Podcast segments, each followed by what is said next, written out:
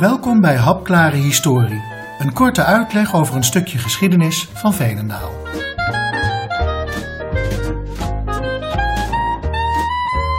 Binnenkort mogen we weer naar de stembus om een nieuwe gemeenteraad te kiezen. De democratie in Nederland heeft een lange geschiedenis. En ook over Veenendaal en verkiezingen valt er veel te vertellen. Op 20 mei 1919 zijn de eerste gemeenteraadsverkiezingen onder het algemeen kiesrecht. Iedereen van 23 jaar of ouder mag dan stemmen. In Veenendaal doen er vijf partijen mee, met allemaal mannelijke kandidaten voor 13 raadzetels. Partijnamen worden nog niet op het stembiljet vermeld, alleen het lijstnummer. Er zijn inmiddels twee stembureaus die open zijn van half acht ochtends tot vijf uur middags. Wie in een fabriek werkt, moet van zijn werkgever de mogelijkheid krijgen om te gaan stemmen. En in de weken ervoor hangen de kandidatenlijsten al in de fabriek, dus dat stemmen dat kan heel snel.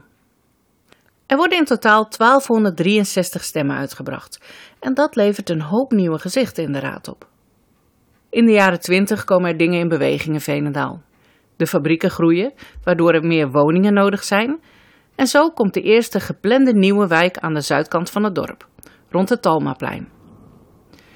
De raad moet ook beslissen over de energievoorziening, de aanleg van bekabeling voor elektriciteit, regels voor winkeliers en de uitbreiding van het wegennet. In die tijd krijgt Veenendaal officieel straatnamen en wordt de grift gedempt. In 1923 ontstaat de eerste lokale partij, de Christelijke Arbeiderspartij.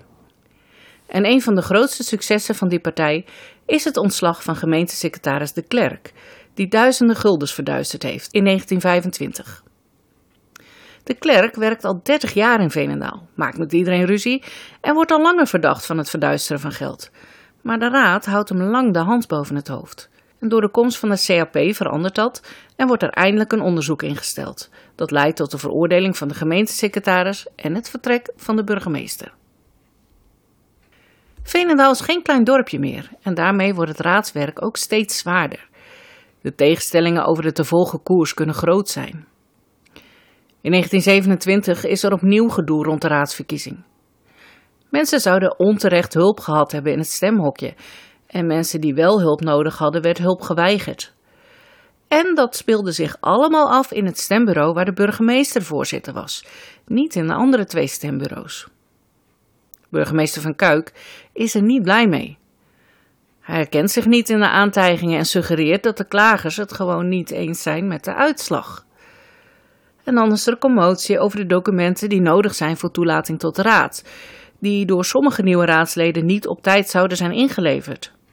En dat terwijl ze binnen de gestelde termijn al behandeld zijn in de Raad. Opnieuw zoekt men het hoger op. Provinciale staten verklaren de bezwaren in eerste instantie gegrond. Maar zowel de burgemeester als een deel van de raad gaat in beroep bij de kroon. De klacht wordt uiteindelijk niet ontvankelijk verklaard, waardoor de raadsleden gewoon toegelaten mogen worden en de gemeenteraad het werk kan hervatten. Vanaf de invoering van het algemeen kiesrecht geldt er een opkomstplicht. Wie zijn of haar gezicht niet laat zien in het stembureau, kan later een brief van de burgemeester verwachten met de vraag om uitleg. Sommige mensen kunnen geen vrij krijgen, anderen wonen inmiddels in een andere gemeente en soms haalt iemand gewoon de trein niet, waardoor hij niet op tijd kan stemmen. En dan zijn er nog de gemoedsbezwaarden. Mensen die niet willen stemmen omdat ze het niet eens zijn met een bepaald aspect van het kiesrecht. Dat zijn opvallend vaak vrouwen die vanuit geloofsovertuiging vinden dat vrouwen niet zouden mogen stemmen. Hoewel gemoedsbezwaren wettelijk gezien geen geldige reden is om niet te komen stemmen, wordt het in Veenendaal door de vingers gezien. En waarschijnlijk niet alleen hier. In 1929 doet de overheid er na afloop van de Tweede Kamerverkiezingen specifiek onderzoek naar. Er wordt gevraagd op te geven hoeveel mensen er vanwege gemoedsbezwaren niet komen stemmen, hoeveel daarvan vrouwen zijn en hoeveel van deze mensen vanwege dit feit voor de kantonrechter moeten verschijnen. In Venendaal wordt het totale aantal niet genoemd, maar het gaat wel om 161 vrouwen. En geen enkele vrouw is voor de rechter geweest. Overigens geldt dat ook voor mensen met een andere reden. Alleen iemand die echt geen goede reden opgeeft, komt voor de rechter. De meeste mensen komen er met een waarschuwing vanaf. In de Tweede Wereldoorlog wordt de gemeenteraad ontbonden. Burgemeester en wethouders zijn nu alleen verantwoordelijk voor de besluitvorming. En na de bevrijding zal het nog tot november 1945 duren voor er een noodgemeenteraad geïnstalleerd wordt.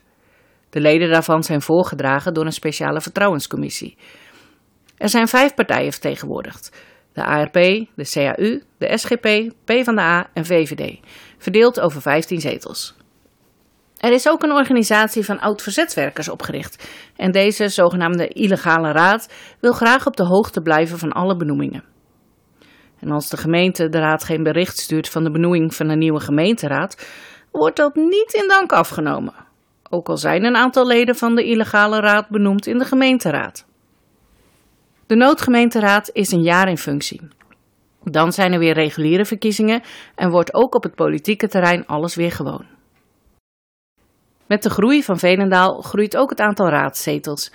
En in 1948 staat er dan voor het eerst een vrouw op de kieslijst van de PvdA. PJB Scholtebleul. Ze is tien jaar later ook de eerste vrouw die raadslid wordt, al is dat van korte duur.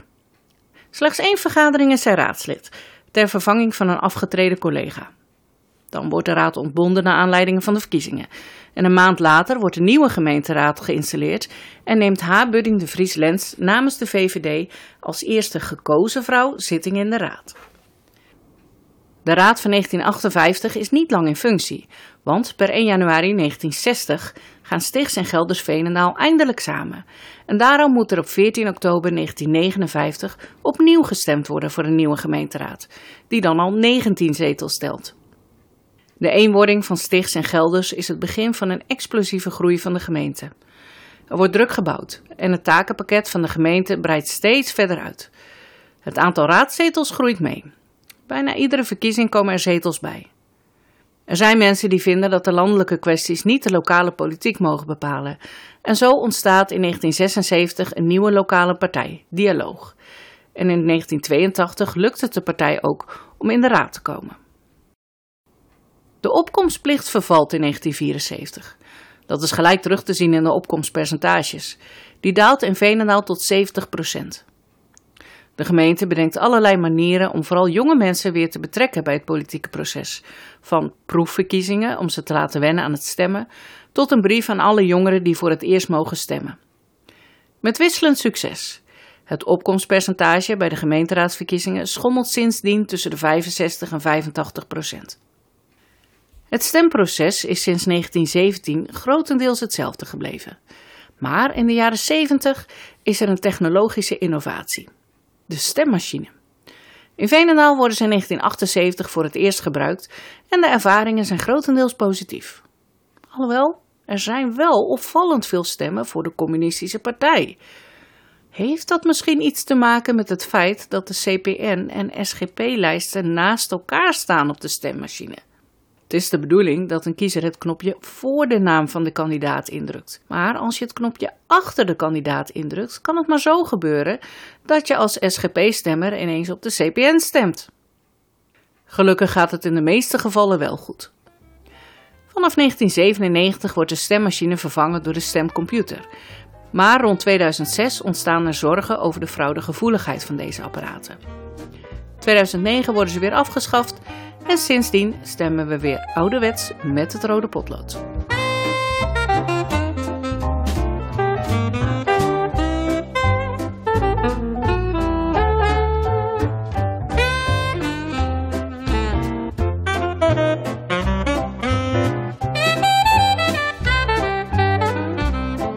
Bedankt voor het luisteren. Wil je meer ontdekken over de geschiedenis van Veenendaal? Ga naar gemeentearchief.veenendaal.nl